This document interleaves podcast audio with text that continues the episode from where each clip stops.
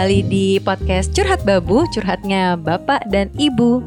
Halo, balik lagi sama kita. Kita senang banget um, mulai bisa konsisten lagi. Kemarin tuh sempat jeda seminggu, tapi sekarang kayaknya udah oke lagi. Yes. Dan um, kamu, aku aku kemarin ngobrol-ngobrol bu sama temen um, sama temen tentang nanya apa kabar. Sesederhana apa kabar, tapi jadi panjang obrolan karena kabar saat ini kan lagi lagi on and off banget nih, naik Betul. turun segala macam. Nah sekarang aku kemarin berani menjawab bahwa gue happy, gue baik-baik aja walaupun kerjaan bermasalah, walaupun ada apa-apa tantangan, cuman satu aja yang gue berharap nggak kejadian. Apa tuh? Circle 0 atau circle 1 aku, kita nggak ada yang kena.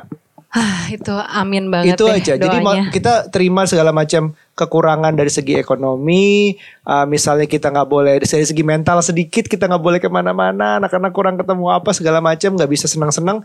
Oke deh ditahan dulu nggak apa-apa happy masih kok masih bersyukur tapi begitu ada yang kena nah itu kan kayak bisa mengubah banyak hal banget Benar, dari sisi pekerjaan ya memang terganggu dan itu aku yakin ke semua orang tuh berpengaruh banget. Iya. Dan tapi ya eh, demi keamanan, demi keselamatan keluarga dan terutama aku sih demi keselamatan anak-anak ya. Anak-anak, yang masa ha. depannya tuh sangat tergantung banget sama orang-orang yang pada aktivitas di luar saat ini nih. Benar, Mungkin benar. banyak banget yang cuek, ignoran dan lain-lain sampai akhirnya bikin korban tambah banyak Iya. dan justru bikin kita makin lama di rumah gak sih? Iya, Kasihan anak-anak yang bisa ngeri-ngeri itu sekolah. kan yang OTG OTG gitu kan. Iya. Dia nggak tahu bahwa dia ada COVID di dalamnya, terus tiba-tiba ya keluar aja gitu. Mm-mm, jadi ya gitu, aku ngelihat banyak sekali teman-teman yang memang positif buat aku Hmm. nih, yang dalam artian sangat menjaga kondisi di rumahnya. Iya. Dalam artian kerja di rumah gitu. Memang mungkin kebetulan kita lagi punya privilege untuk kerja di rumah, sehingga kita ya udah nggak ke mana-mana, benar-benar tidak memanfaatkan untuk liburan di tengah-tengah pandemi ini, Mm-mm. tidak yang ke mall dan lain-lain gitu, nongkrong-nongkrong, sekedar cuman apalah makan dan lain-lain. Iya. Itu kayaknya dan kalaupun ya misalnya nih sampai Kerja ada kita masih keluar. Iya, Ah. biasanya kita ya keluar iya ada, tapi seminggu satu kali doang dan itu buat Iya. kerja dan dalam maksimal waktu kayak tiga jam ya kita. Dan protokolnya lengkap lah, berusaha selengkap Iya mungkin. berusaha. Nah itulah jadi ya buat kita semua sama-sama pengen jaga diri sih, tetap waras selama pandemi Mm-mm, ini. mm-mm, Iya nggak sih dari sisi kita udah coba menjaga. Mudah-mudahan teman yang mendengarkan ini juga menjadi bagian yang menjaga Jaga juga. supaya pandemi ini nggak lama-lama. Aduh kasihan deh beneran generasi anak-anak Ah, kita. Kebetulan sehari ini kita mau ngobrol Bu, ngobrol Hmm. sama siapa? Ah, ini nih di sini sudah hadir Dokter Jualita. Yeay. Halo, dokter, apa kabar? Dokter Jualita Halo. adalah seorang dokter gizi, ya Dok ya, Dokter Yes. Jualita Surapsari. Halo. Kalau misalnya teman-teman mau follow di Instagram @drjualita. Ya, Dok ya. Yes. Halo Nucha Enario. Halo dokter Halo, lagi Dok. kita lagi sambil ngerekamnya sambil zoom nih kelihatan Hmm. dokter masih lengkap dengan peralatan APD. kerjanya APD-nya seru uh, masih masih full time nih maksudnya masih sering ke kan, uh, ke praktek Tiap apa hari. gimana berkurang sejak itu Tiap hari. masih tiap hari Tiap ya hari. Kemarin kan waktu Nah. Maret sampai Mei kan kita ngurangin, tapi Ah. mulai Juni Ah. Juli tuh sebenarnya udah back to normal schedule lagi. Cuman rasanya sekarang kayaknya akan bakal balik seperti bulan Maret lagi ya. Karena angka ya dok ya Iya. soalnya um, weekend kemarin itu Jumat Sabtu Minggu secara berturut-turut naik terus sampai minggunya itu rekor Iya. Terus Senin sedikit turun lagi tapi tetap naik 2400. Hmm. Kemarin Minggu tuh 3000-an kalau nggak salah. Itu rekor dan Jakarta 1000 sendiri Iya, sehari. itu dia. Ah, ah. Hmm. Dan ini pada saat kita record ini di awal September ya ini kita lagi ngeri-ngerinya justru ya. Hmm, hmm. Dengan angka yang sangat tinggi ya, Dok ya. Mm-mm. Di mana eh, di bulan-bulan Agustus tuh orang udah pada mulai longgar, kerasa nggak sih? Kerasa dok apalagi kita ada long weekend dua kali loh dok sebelum minggu lalu ya Iya nggak Iya. sih Iya, betul, betul. dua minggu berturut-turut Betul. dan banyak sekali aku lihat eh, di sekitar kita yang pada liburan Iya. yang pada Iya. mudik dan lain-lain Dan pada gitu. bilang dengan protokolernya masing-masing dengan yes. entah itu road trip ke di sepanjang Jawa, ada yang um, naik pesawat tapi aman kok, tapi gini-gini, tapi tapi tapi oke. Asal asalnya kalau udah asalkan dengan protokoler udah aman. Padahal kan kita nggak tahu ya dok ya. Aku tuh masih nggak tahu apa ya apa kita yang parnoan dok. Iya, sebetulnya sekarang ini kan kita seperti lagi diuji ya, ketika eh, kita udah Nah, ngerasa ini sebetulnya yang paling bermasalah adalah psikologis, ya nggak sih, selama di rumah ini. Iya benar. Psikologisnya anak-anak, psikologisnya orang tua kita, dalam arti eyang-eyang dan oma-oma yang di rumah itu juga cukup berat loh buat mereka gitu. Mungkin Iya, kan iya. Betul. kita kan kalau yang kita masih um, kita masih muda usia reproduktif, kita sering kali masih punya cara lain untuk bisa eh, nggak bosen gitu, ya nggak sih? Hmm. Iya, Tetapi kalau orang tua yang udah generasinya eyang-eyang kita itu nggak bisa ketemu leluasa sama cucu-cucunya tuh sebetulnya menderita banget. sedih loh Heeh. sedih Iya, banget ya dok itu ya benar, dok nggak bisa gendong kalau ketemu juga jauhan Mm-mm. dari kaca gitu kan Heeh. itu banyak banget yang sebenarnya mencoba ngejaga tapi di sisi lain banyak sekali yang justru menembus batasan-batasan itu kayak Iya. ya udahlah kayaknya udah nggak ada apa-apa deh ah nggak apa-apa lah tiap tiap minggu juga kan eh, gue rapid test misalnya kayak Hmm. gitu dok Mm-mm, mm-mm. jadi merasa pede gitu lah dok. Tapi sebenarnya apa sih dok yang harus kita lakukan saat ini di pandemi yang sudah masuk ke bulan 6 ya dok ya? Dari sisi medis gimana dok? Kita harus ngapain nih dok saat ini nih? Jadi sekarang kan ini sebetulnya udah bulan ketujuh sih ya sejak COVID masuk ke Iya. Indonesia ini udah bulan ketujuh. Bulan ketujuh Ah, ya ya. Kita udah bulan ketujuh dan kita masih nggak tahu apakah ini udah puncak belum sih. Bahkan tad- eh, tadi saya Iya, baca benar. di apa di berita katanya belum puncak 2021 itu bahkan baru akan mencapai puncaknya gitu. Ya Nah, dalam ampun. kondisi seperti ini, di mana sebetulnya pengobatan COVID itu juga belum ada yang kita bilang definitif. Definitif itu dalam arti uh, jelas bahwa ini bisa uh, efektif untuk menyembuhkan COVID gitu. Itu kan belum ada. Iya. Uh, terus yang Iya. kedua, vaksin. Vaksin itu Hmm. mungkin baru bisa diproduksi di sekitar pertengahan 2021. Artinya apa? Obat belum belum definitif, vaksinnya sampai bu- tahun depan belum ready. Berarti apa sih yang kita harus lakukan? Senjata kita apa lagi? Senjatanya ya mau nggak mau cuma sistem imun kita, ya kan? Sambil tetap melakukan yang namanya preventive measure tadi, gitu. Nah, Sistem imun. mm-mm, mau Kalau dari sisi gizi dan nutrisinya supaya kita bisa menjaga imun, itu kita harus seperti apa nih dok? Heeh. Jadi eh, pertama dulu nih, ternyata eh, sistem imun kita kerjanya itu juga dipengaruhi oleh status gizi kita. Status gizi dalam arti tinggi berat badan kita proporsional nggak sih? Kita masuk underweight, apakah kita masuk obese gitu? Itu ternyata berpengaruh. Jadi Oh gitu. Oh, oh, jadi orang yang underweight, yang berat badannya itu kurang ya dari yang seharusnya, itu kan berarti orang ini biasanya masa lemaknya sedikit, ya kan? Nah, Iya. masa lemak yang sedikit itu ada yang namanya hormon leptin yang harusnya dia diproduksi, Hormon, benar. eh, harusnya diproduksi sama si sel lemak ini. Karena hormon leptinnya sedikit, padahal hormon leptin ini salah satu fungsinya adalah masukin gula ke dalam sel imun kita untuk bisa bekerja. Jadi kalau leptinnya sedikit, Oh. gula nggak bisa masuk ke sel imun, berarti sel imunnya itu jumlah dan juga fungsinya juga menurun. Berarti orang ini Terus orang itu makannya gula dikit lagi demi menuju fat percent Nah. rendah gitu misalnya gulanya Iya. dikit kan gula bagus sebenarnya buat tenaga dan imun ya. Betul. Jadi sebetulnya eh, apa pengertian boleh makan gula atau enggak gitu kan sebetulnya kalau gulanya gula natural dan kita makan tidak berlebihan tetap boleh gitu. Nah, Oh. pada orang yang malnutrition kayak gini yang berat badannya kurang ya udah pasti dia akan lebih gampang untuk kena infeksi.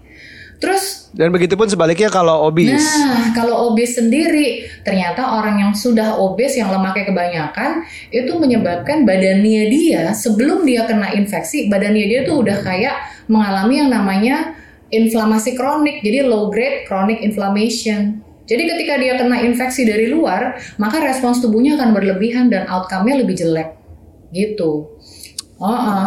Jadi kalau yang dari saya amati pasien-pasien yang dirawat karena COVID banyak yang dia memang obes, kemudian dia punya eh, comorbid yang lain, paling sering diabetes, penyakit jantung, hipertensi, itu yang paling sering, gitu. Itu udah kayak diserang sesuatu tapi dalam keadaan yang Emang udah jelek. jebol duluan ya Yes, sama benar, yang lain ya. benar. Ha, ha, ha. Nah, terus itu yang dicegah. Terus kalau dari segi nutrisinya Nah, gimana? dari segi nutrisi, kalau ngomongin imun itu kan eh, kita lapisannya banyak ya, mulai dari lapisan luar kayak kulit itu sebetulnya juga bagian dari sistem imun kita loh, karena mencegah eh, Iya. benda asing atau sesuatu yang harmful itu untuk masuk, ke Masuk. badan kita. Nah, nutrisi dia berfer- berperan hampir ke dari seluruh tahapan eh, sistem imun itu bekerja. Bayangin kulit. Oke. Kulit itu akan bisa punya fungsi yang baik melindungi kalau apa? Kalau kita banyak minum vitamin C gitu kan, mengkonsumsi makanan yang tinggi vitamin Iya. C karena akan membentuk kolagen dalam jumlah yang cukup gitu. Terus kita juga mengkonsumsi ada yang namanya lemak baik. Lemak baik itu berarti eh, asam lemak eh, tidak jenuh jamak yang akhirnya bikin kulit kita itu lebih lembut jadi nggak mudah eh, pecah-pecah gitu. Kan kalau kulit yang mudah pecah-pecah Oh. juga akan bikin mudah kena apa eh, iritasi atau infeksi dari luar. Terus supaya sel imun kita itu bekerja banyak banget vitamin dan mineral yang eh, terlibat di dalamnya gitu. Jadi mulai dari gampang dulu deh protein. Protein jelas kita perlu karena fungsinya apa? Membentuk antibodi gitu. Antibodi itu salah satu protein yang dibikin oleh badan kita. Bahan bakunya apa? Ya protein juga. Jadi orang ketika lagi masa pandemi seperti ini asupan proteinnya harus cukup. Nggak boleh kurang. Konsentrasi saya protein tuh cuma buat otot dok. Jadi kan protein yang kita makan itu kan untuk membentuk struktur protein juga sebenarnya di badan kita. Nggak hanya otot, Oke. enzim juga, hormon juga, antibodi juga, itu dia protein. Ya. Nah, Ah. gitu. Jadi harus cukup. Nah, sekarang tinggal kita milihnya protein yang mana. Kan protein ada yang protein hewani tinggi lemak, rendah lemak, lemak sedang. Kalau yang olahan atau proses food udah pasti dia tinggi lemak. Gitu misalnya Iya. sosis, corned beef ya kan itu udah pasti tinggi lemak. Iya. Sebaiknya bukan yang itu, tapi yang kita pilih yang lebih lean. Karena yang kita tuju adalah asam aminonya. Asam amino tuh kayak eh, apa ya? Kayak batu bata yang menyusun tembok gitulah. Tembok itu Ah. proteinnya, si batu bata itu si asam aminonya. Nah, kita butuh itu. Oh, oke, oke, oke. Mm-mm. paham paham. Oke, tapi dok kalau misalnya Hmm. protein kan kita tahu banyak banyak macamnya ya. Entah itu ada ikan, ayam, ada apalagi sa- apa namanya? daging gitu Dari kan. sayur juga banyak. Iya, protein eh, protein juga ada sayuran. Nah, kalau menurut dokter tapi yang sebaiknya dikonsumsi dari deretan list protein itu yang mana yang paling baik dan paling nampol ceritanya, Dok? Kalau saya ikan, ikan itu, eh, Oh. ya ikan itu luar biasa. eh, apa ya zat gizinya itu luar biasa lengkap sebetulnya. Proteinnya baik. Kemudian yang kedua dia juga mengandung kalau ikan laut dalam ya, ikan laut dalam itu dia juga mengandung vitamin D. Terus dia juga mengandung eh, lemaknya lemak yang baik juga gitu. Oh, Ah. berarti banyak kayak salmon, tuna gitu-gitu Mm-mm, ya. Tapi jangan sedih, jangan yang mahal-mahal aja gitu. apa tuh contohnya apa tuh yang bisa di- Kalau yang paling gampang Hmm, ditemukan, gampang diakses. Dok, misalnya di Ah. tukang sayur gitu di kan supermarket bisa. apa tuh? Ikan kembung, Oh. ikan selar gitu ya. Terus uh, sebetulnya lele pun juga bagus gitu, ikan gabus. Oh. Nah, itu bagus. Jadi diusahakanlah dalam setiap kali jadwal makan kita ada proteinnya. Kan kita makan sehari tiga kali. Nah, dicukupilah tiga Itu- kali itu ada proteinnya. Itu uh, aku dibilangin orang dulu nih Hmm. orang tua aku kalau nggak salah makan lele itu bagus karena lele itu makanannya jorok. jadi biasa kita jadi antibodinya tahan sama yang jorok-jorok gitu. itu ada benernya nggak sih? Kayaknya Kak, lele itu ternyata dokter bilang bagus juga. Eh, dia bagus tapi bukan karena itu sih eh, apa alasannya. karena toh juga akhirnya dimasak juga kan gitu. Iya, Oh, iya. oh. Oh, untung anak kita banyak makan lele ya. Banyakan makan lele ya. Nah, terus dok kalau misalnya dari sayuran Ah. nih, kira-kira kan kalau tadi mungkin makronutrien ya dok ya. Hmm. Nah, ini dari sisi eh, mikronutrien, kira-kira apa yang diperlukan kita pada saat ini? Duh seneng deh aku bahasnya udah makro mikronutrien nih. Eh. Gaya banget dok ini. Nucha lagi lagi berusaha hidup sehat dok. Bacaannya itu terus. iya, aku kan lagi ceritanya lagi diet dok. Jadi Oke. bacaannya kayak gitu-gitu. Mungkin eh, apa eh, kalau makronutrien kan tadi energi apa karbo, protein, lemak gitu ya. Terus kalau Iya. mikronutrien tuh vitamin dan mineral. Nah, sebetulnya eh, banyak banget vitamin dan mineral yang terlibat dalam proses imun.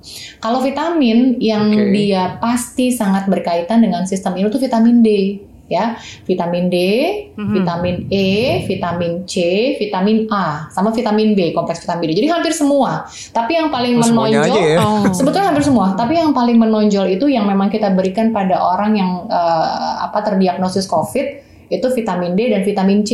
itu pasti saya kasih kalau uh, kalau dengan pasien COVID itu pasti saya berikan. Mau yang dia tanpa gejala mau yang dia memang bergejala dan berat itu dua-duanya saya berikan gitu. Terus kalau mineral uh, itu yang paling kita tonjolkan adalah zinc gitu. Jadi zinc itu dia sangat berperan untuk sistem imunitas kita. Nah tadi kan aku bilang kenapa kok pilihnya ikan, kenapa kok harus ada protein hewani? Karena zinc itu terdapat di dalam bahan makanan sumber protein hewani salah satunya gitu. Oke. Hmm. Dok tadi balik ke D sedikit, um, Yes. aku Vitamin D. vitamin D, ha, bahwa mhm. dibilangnya orang Indonesia pada umumnya atau kebanyakan Mhm. itu di bawah ya. Maksudnya kalau dites itu kurang Mhm. vitamin D-nya, bener nggak dok? Benar. Jadi memang eh, penelitiannya itu mayoritas sebetulnya orang Indonesia malah justru kekurangan vitamin D. Karena Padahal kita panas dok. Yes, benar. Negaranya tropis. Nah, tetapi vitamin D itu metabolismenya di dalam tubuh kita tuh cukup kompleks. Nah, uh, memetabolisme satu uh, nutrien, salah satunya vitamin D, itu cukup kompleks karena dia melibatkan banyak enzim. Nah, enzim itu yang mengkode ada yang namanya gen. Nah, secara genetik memang uh, apa Oh. genetik tertentu gitu ya itu ternyata menyebabkan metabolisme vitamin D-nya keganggu. Jadi kalau kita periksa, oh ternyata kadar vitamin D-nya rendah gitu. Jadi kita berdua benar-benar pernah periksa tes gitu tentang Hmm. vitamin D. Oh ternyata memang di bawah. Jadi Mm-mm, harus mm-mm. selain misalnya keluar untuk matahari, tapi Mm-mm. juga jangan lupa tambahan harusnya Iya. suplemen lewat nutrisi makanan. Mm-mm, karena Gitu. kalau misalnya saya analisis asupan makan kita itu memang untuk vitamin D-nya kan juga nggak banyak, juga rendah kan. Karena Iya. vitamin D itu Iya. paling banyak ada di ikan laut dalam, terus dia banyak di uh, susu yang difortifikasi, sereal difortifikasi. Cuman jumlahnya yang kita konsumsi juga nggak banyak biasanya. Jadi mau nggak mau harus dengan suplementasi gitu. Suplementasi. Mm-mm. Nah, Dok, ini Ya. menyangkut dengan vitamin D ya pembahasan ini banyak banget yang nanya ke aku kemarin. Jadi aku kemarin sempat buka kan open box di Instagram story. Mau Mm-mm. nanya apa nih? Besok aku mau ngobrol-ngobrol sama Mm-mm. Dokter Jualita gitu kan. Ternyata banyak sekali yang menanyakan seputar vitamin D. Nih, di antaranya ya Dok ya, ada yang nanya dari Muti. Dia bilang vitamin D eh, 300 IU plus eh, jadi dia kondisinya adalah vitamin D 300 IU plus kalsium 300 IU minum berapa per hari? Umurnya udah 37 tahun dan statusnya defisiensi vitamin D. Oh, gitu. Kalau memang statusnya dia defisiensi vitamin D, dia akan butuh dosis yang jauh lebih besar daripada hanya 300 IU gitu. Tapi memang sebaiknya dalam uh, pengawasan dokter karena nanti kita kasih dosisnya agak lebih tinggi daripada yang dia konsumsi sekarang, tapi nanti perlu dipantau lagi. Biasanya 2-3 bulan kita cek lagi. Kalau sudah bagus gitu ya, biasanya kita akan turunin lagi bertahap sampai kita dapat yang disebut dengan dosis maintenance gitu.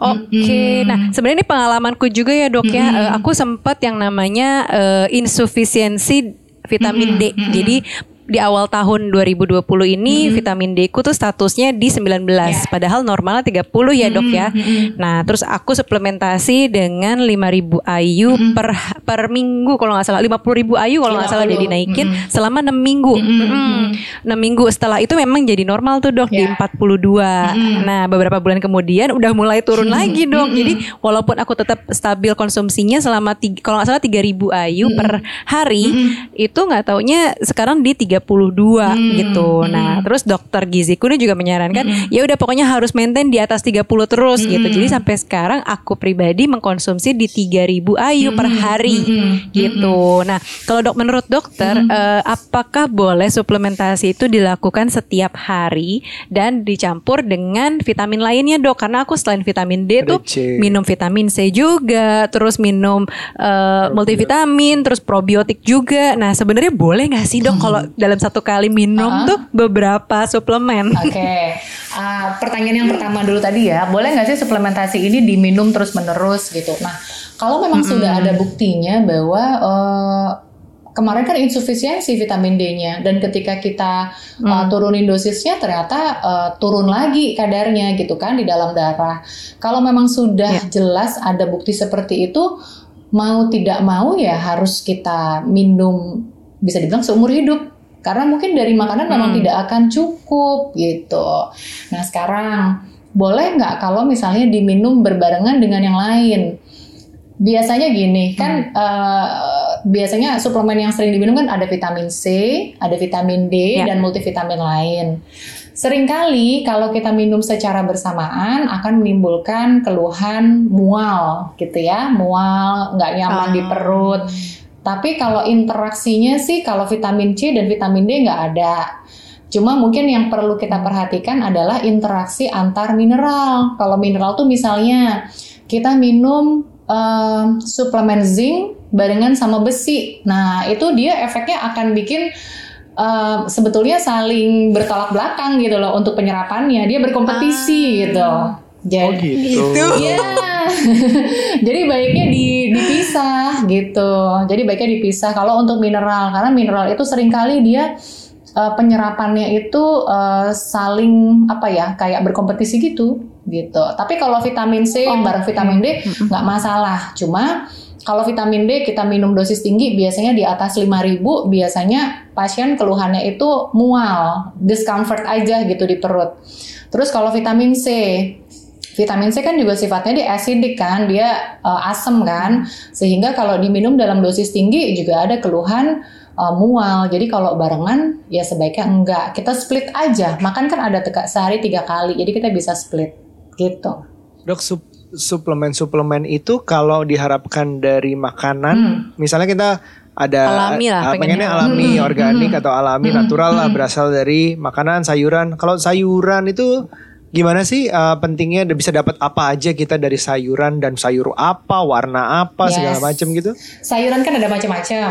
Uh, yang yang dianjurkan adalah kalau kita makan sayur itu kayak kita makan uh, rainbow pelangi gitu ya dengan macam-macam warna. Jadi uh, warna yang merah menunjukkan dia ada yang namanya beta karoten. Beta karoten itu dia em, apa namanya fungsinya antioksidan gitu. Terus warna hijau di sayuran hijau dia ada klorofil. Jadi masing-masing itu memberikan uh, semakin kaya warna berarti semakin kaya juga zat baik termasuk nutrisi yang kita konsumsi. Nah, sekarang kalau sayuran hijau itu dia tinggi sama folat. Folat itu juga sangat eh, dibutuhkan oleh tubuh kita untuk sistem imunnya gitu. Ya, terus eh, beberapa sayuran juga mengandung eh, vitamin E, kayak bayam, brokoli juga dia mengandung vitamin E. Vitamin E kan tetap kita butuhkan juga untuk sistem imun kita, gitu. Uh, uh, terus buah, wah kalau buah itu udah pasti vitamin C deh yang kita tuju. Nah sekarang vitamin C itu sebetulnya kebutuhan kita itu nggak banyak. Perempuan itu kita butuh cuma 75 mg, laki- laki-laki butuh 90 mg. Pada dasarnya eh, kebutuhan ini bisa meningkat kalau yang pertama misalnya orang ini eh, sedang mengalami infeksi atau dia lagi recovery. Terus yang kedua, pada perokok kebutuhannya juga meningkat.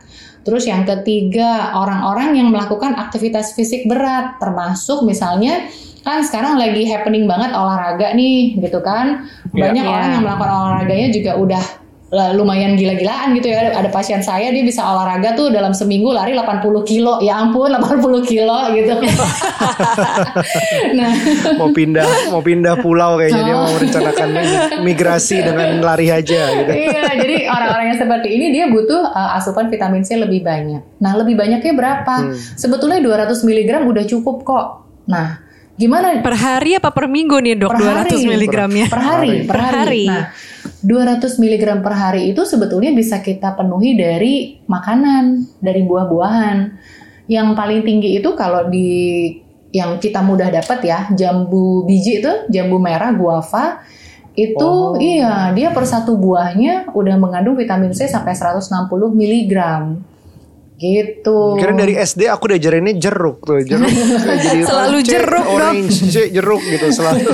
Terus buah yang ada di mana-mana ya di tukang sayur ada, di supermarket ada, itu pepaya. Pepaya tuh juga vitamin C-nya lumayan. Dalam satu cup bisa 95 mg gitu. Jadi Sebetulnya kalau kita mengkonsumsi buah setidaknya dua kali sehari, kita konsumsi sebagai makanan selingan, itu sih udah bisa mencukupi kebutuhan vitamin C kita gitu. Oke, nah dok tapi nih misalnya kan kalau angkatan-angkatan kita gini nih agak harus mengubah kebiasaan. Mungkin dulu tak nggak terbiasa makan sayuran dan buah-buahan. Kalau sekarang ada sosial media, kita gampang banget mempengaruhi orang lain Ya. dengan misalnya nih aku sendiri suka bikin green smoothies. Hmm. Jadi followersku suka nanya, "Mbak itu dicampurnya apa aja?" Tapi kan kalau zaman dulu nggak ada ya, Dok kayak Iya, gitu-gitu kan. Nah, sehingga udah menjadi habit, menjadi kebiasaan bahwa ya nggak makan sayur. Terus kalau emang nggak makan sayur ya nggak apa-apa kan ada ada suplemen, kan ada yang lain gitu sehingga ya nggak ngambil eh, apa namanya sari-sari atau atau yang dibutuhkan nutrisi yang dibutuhkan dari makanan yang alami kayak buah dan sayur gitu dok. Nah, gimana caranya biar kita ini yang sudah dewasa mengubah kebiasaan yang tadinya nggak suka atau ya antilah sama sayuran dan buah-buahan sehingga mau jadi mau gitu untuk makan sayur dan buah-buahan. Mm-mm. Jadi faktanya dulu nih, faktanya memang ada orang dengan variasi genetik tertentu yang dia itu super taster terhadap rasa pahit, bitterness. Nah, uh, uh, dia meng- menganggap bahwa salah satu yang rasanya pahit itu ya sayur, makanya dia nggak pengen makan sayur. Jadi sebenarnya secara genetik memang ada tuh orang-orang yang kecenderungannya seperti itu. Tetapi balik Ya, lagi, bukan alasan ya beneran ya. Heeh, tetapi lagi-lagi Ah. sering kali sesuatu yang sudah diatur secara genetik tidak bermanifest kalau eh, lingkungannya itu juga mentreat secara benar. Jadi banyak juga tuh pasien yang sebetulnya secara genetik dia nggak dia super taster terhadap rasa pahit, tetapi karena lingkungannya Iya. dia dalam arti pola asuh orang tuanya bagus, dia nggak ada kesulitan makan sayur. Nah sekarang gimana caranya orang yang nggak pengen makan sayur akhirnya pengen makan sayur. Yang pertama, sebetulnya semua perubahan itu bisa terjadi kalau memang kita niat gitu. iya, iya. Bener sih antara niat dorongan dan kadang-kadang suka mager makan itu tuh suka bertentangan Iya, gitu dok. Tapi aku sendiri ya untuk mengubah tadinya aku juga eh, nggak terlalu into sayur lah dok karena di keluargaku yang namanya makan sayur adalah makan sayur bayam, Bayam. makan sayur asem, makan sayur lodeh. Itu makan sayur dok gitu, bukan yang kayak salad-salad gitu. Justru aku baru tahu salad ya sekarang aja dok. Mm-mm. Gitu. Padahal kalau dilihat porsinya sayur asem, sayurnya sendiri nggak terlalu banyak kan dok Mm-mm. kayak dikit-dikit kacang panjang sedikit gitu-gitu kan. Terus belum lagi lodeh. Lodeh juga dikit gak sih sayurnya Iya, jadi, sebenarnya? jadi dulu Nucha tuh sebelum nikah nggak ngerti konsep um, sayuran dingin. Ah, Nggak dan suka sa- dok. dan sayuran mentah. Sayuran tuh harus dalam bentuk Udah jadi sop gitu atau ya. soto udah jadi Ah, gitu. diolah. Ah, jadi dia belum pernah ngebayangin gimana ya makan sayur itu kok kok nggak dimasak sih? Mungkin lebih ke arah situnya. Nah. Akhirnya sekarang tuh banyak banget nemuin tempat um, vegan food yang sayurannya oke-oke, enak-enak, salad Yes. yang gitu juga masih. Oh ternyata ini enak ya, ternyata ini enak gitu. Mungkin nggak semuanya, mungkin kayak Nucha juga masih harus membiasakan. Nggak semua sayuran kan bisa iya, tapi dia mulai berwarna sekarang. iya, karena ada niat kali ya dok. Namanya juga satu rumah mau nggak mau kita ikutan nyoba ya dok ya makan salad, makan apa Iya. gitu kan. Mau nggak mau sama ya itu mungkin kita harus build kebiasaan, build habit itu dengan periode tertentu kali ya. Nggak Iya. bisa cuma satu dua hari Betul, kan betul. kita Dan nggak bisa kayak jebret langsung semua harus suka. Ya mulai tambah satu koleksi jenis sayur yang suka kali dengan jumlah nah, yang itu benar. gra- gradasi Benar. gitu. Jadi biasanya uh, untuk pasien saya yang nggak suka sayur, pasien dewasa yang nggak suka sayur, saya sampai bikin list. Sayur itu kan ada banyak gitu ya, ada list sayuran tuh ada banyak sekali. Sampai saya tanyain satu-satu, wortel bisa nggak? Bisa. Nah itu sayur boleh gitu. Iya, Iya, tomat iya. bisa nggak? Bisa dok. Nah itu juga sayur nggak apa-apa gitu. Terus eh, apalagi buncis bisa nggak? Bisa. Nah itu juga berarti sebetulnya bisa makan sayur gitu. Hanya orang itu sering kali meng- menganggap kalau sayuran itu ya harus makan sesuatu yang harus hijau gitu. Harus sayuran Harus hijau, harus daun gitu ya. daun gitu. Nah tapi tadi Benar. uh, Nucha juga bilang kan sekarang bikin green smoothies itu juga sangat membantu sebetulnya karena kombinasi antara sayur dan buah yang di blend itu tuh rasanya seger banget dan itu sangat membantu. Benar. Untuk orang yang nggak Dan suka kalau misalnya nggak suka sayur, iya dan Mm, rasa mm. pahitnya itu sebenarnya agak hilang Betul. dengan adanya buah-buahan ya dok ya. Iya. Dan kalau ya sebisa mungkin sih nggak pakai tambahan pemanis lagi Enggak. karena Gula. memang Enggak. gulanya dari bu- buah juga udah iya, udah enak buah kan. kalau mau ditambahin kalau masih buah juga ya kurma misalnya itu Betul. juga pemanis Yes, yang setuju. yang enak dan dan memang buah masih gitu. Iya. Oh, dan temanku ada nih satu tips ya. Dia per, aku aku sih suka memperhatikan temanku nih bahkan dia sampai bikin food journal, Dok. Dituliskan hari Senin sampai Minggu apa yang dia makan dan minggu depannya dia akan observasi tuh kira-kira sayuran apa yang aku mau makan dan yang aku kurang suka makan, buah-buahannya apa aja. Jadi dia bisa di akhir minggu dia akan lihat tuh kalkulasi makan sayurnya berapa banyak sama makan buahnya tuh berapa banyak. Tapi dibikinin sampai food journal nulis sendiri gitu, Dok. Iya. Sampai segitunya. Mungkin itu bisa salah satu cara juga ya Bisa, dok ya supaya bisa. meningkatkan habit supaya mau makan sayur gitu. Ah, Karena namanya sayur sama buah tuh kan banyak banget macamnya. Masa iya sih dari segitu banyaknya dua atau tiga aja deh nggak ada yang doyan gitu kan? Oh, Iya. Hmm, bener-bener. Nah, habit ini mungkin bisa kita kita lakukan juga kayak misalnya 23 hari makan buah Yes. sayur gitu yang mungkin bisa aja kita lakukan. Tadinya eh, nggak gitu suka love and hate lah ceritanya sampai Iya. akhirnya kita bener-bener love. Iya. gitu kan. Nah itu mungkin masih masa periode honeymoon gitu atau lagi cinta-cintanya sampai kemudian kita merasa mendapatkan manfaatnya kayak misalnya jerawat berkurang ya kan dok kadang-kadang kan berasa ya makan Kulit juga ngaruh. Ah, ah, di Iya. kulit juga ngaruh. Terus terutama pencernaan ya dok ya kalau banyak sayur Buah sama juga. buah. Ah, Betul. Iya kan jadi mungkin setelah kita mendapat manfaatnya baru kita akan nerusin tuh biasanya kayak gitu Iya, sih. Jadi harus bener kayak menurutku juga harus perhatiin banget atau ngerasa banget diri sendiri itu perkembangannya apa sih. Kadang-kadang uh, dianggapnya itu cobaan di saat nggak enaknya doang nih bagian makannya, tapi nggak ngeliat di bagian lainnya bahwa itu sebenarnya benefit gitu. Jadi mungkin rasanya belum, oke rasanya kita kita workout lagi, cari sayuran yang lebih cocok sama gue gitu. Ah. Tapi di lain waktu selama nggak makan tetap harus ini kayaknya badan gue lebih enak deh. Ini kayaknya gue kulitnya lebih halus deh. Harus memperhatikan badan sendiri ngomong kayak gitu Betul. gitu. Itu yang itu yang penting sih. Iya, dok. Kalau misalnya itu kan menurut kita nih Ah. eh, bahwa manfaatnya ada beberapa gitu. Karena kalau menurut dokter sendiri sebenarnya manfaat eh, sayuran dan buah yang kita konsumsi itu apa aja ya dok? Manfaatnya. Yang udah pasti kalau ngomongin buah sama sayur kita ngomongin serat paling pertama ya kan? Serat itu akan bikin Hmm. uh, ya pencernaan kita akan lancar ke belakangnya lebih lancar. Tapi lebih daripada itu ternyata uh, dengan makan sayur dan buah dalam jumlah yang cukup itu membuat lingkungan di dalam uh, usus kita itu menjadi lebih sehat. Nah, kalau lingkungan Oh. iya, kalau lingkungan di dalam usus juga menjadi lebih sehat, maka eh, kuman-kuman atau bakteri-bakteri baik di dalam usus itu juga akan menyebabkan sistem imunitas atau kekebalan kita tubuh kita pun juga membaik Ah. gitu. Itu itu salah satu hal yang hmm, apa ya yang juga kita perlu ingat bahwa nggak hanya semata-mata untuk kesehatan pencernaan tapi untuk imunitas juga gitu. Nah, terus beberapa pasien saya yang akhirnya dia juga berusaha untuk makan buah dan sayur setidaknya bikin smoothies dulu deh satu kali gitu. Dia juga merasa kualitas tidurnya juga lebih baik gitu. Dia lebih merasa lebih apa? lebih rileks gitu. Nah, kemudian selain serat udah pasti. Vitamin juga mencu- tercukupi ya kan? Kemudian mineralnya juga tercukupi sehingga kualitas makanannya dia pun juga akan lebih baik. Dan satu lagi jangan lupa sayur itu termasuk makanan yang kepadatan kalori atau densitas kalorinya itu kecil.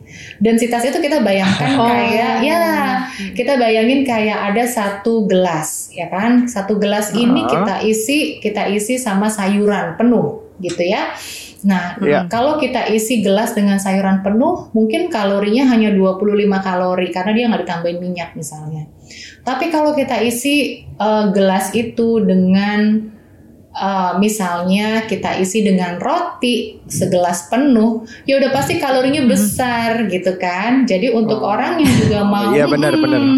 Jadi kalau orang yang mau mempertahankan berat badannya dia atau menurunkan berat badan, eh, ya Mhm. harus konsumsi sayur dan buah tuh nggak boleh enggak gitu karena densitas energinya kecil gitu.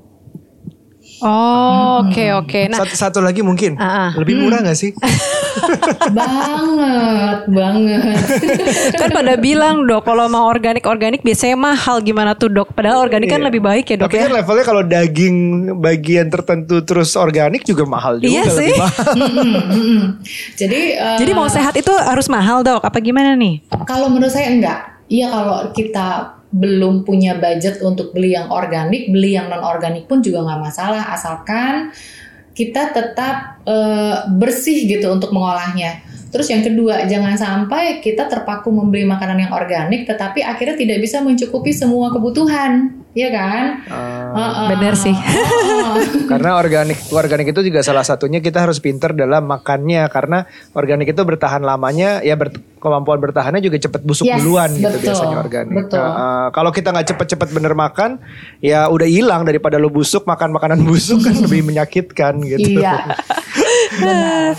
Oke deh kalau gitu terima kasih banyak dokter untuk ngobrol-ngobrolnya. Oke. seru banget eh, obrolan kita di episode kali ini karena eh, apa namanya sangat insightful buat kita yang memang lagi galau soal vitamin D3 Iya. terus belum lagi pertanyaan seputar nutrisi apa sih yang sebenarnya dibutuhkan oleh tubuh. Terus gimana caranya sih supaya mau makan sayur dan mau atau enjoy makan buah dan sayur gitu kan. Dan mungkin kita juga mau challenge nih para pendengar Iya. kita buat cobain dan rasain kalau misalnya kita bikin aja deh 23 hari kalian makan sayur dan buah. Nah, ini boleh nih nanti ngetek ke aku Aryo atau ke dokter Jualita juga buktikan di postingan IG story. Wah, aku udah makan nih day 1, day 2 sampai day 23 dan posting manfaatnya apa sih kira-kira buat Iya, kalian. Gitu kali ya, Dok ya biar benar. kita juga sama-sama sehatnya Yes, bareng-bareng betul. gitu. Ya dokter sehat-sehat semoga terus bisa membantu kita memberikan apa ya macam-macam insights tentang imunitas ini. Karena penting banget di saat di saat kayak gini em, masalah tuh banyak dari segi kesehatan dari segi kesehatan fisik kesehatan mental ekonomi banyak Yeah. banget.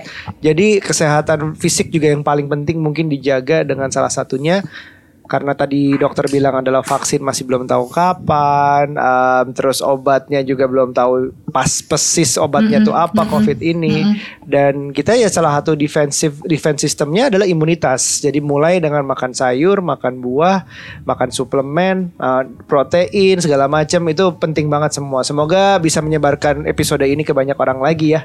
Yes, oke kalau gitu terima kasih banyak dokter. Oke. Mari kita bangun kebiasaan 23 hari makan buah dan sayur bersama Superindo. Sampai ketemu dokter, okay. stay safe. Yeah, Bye.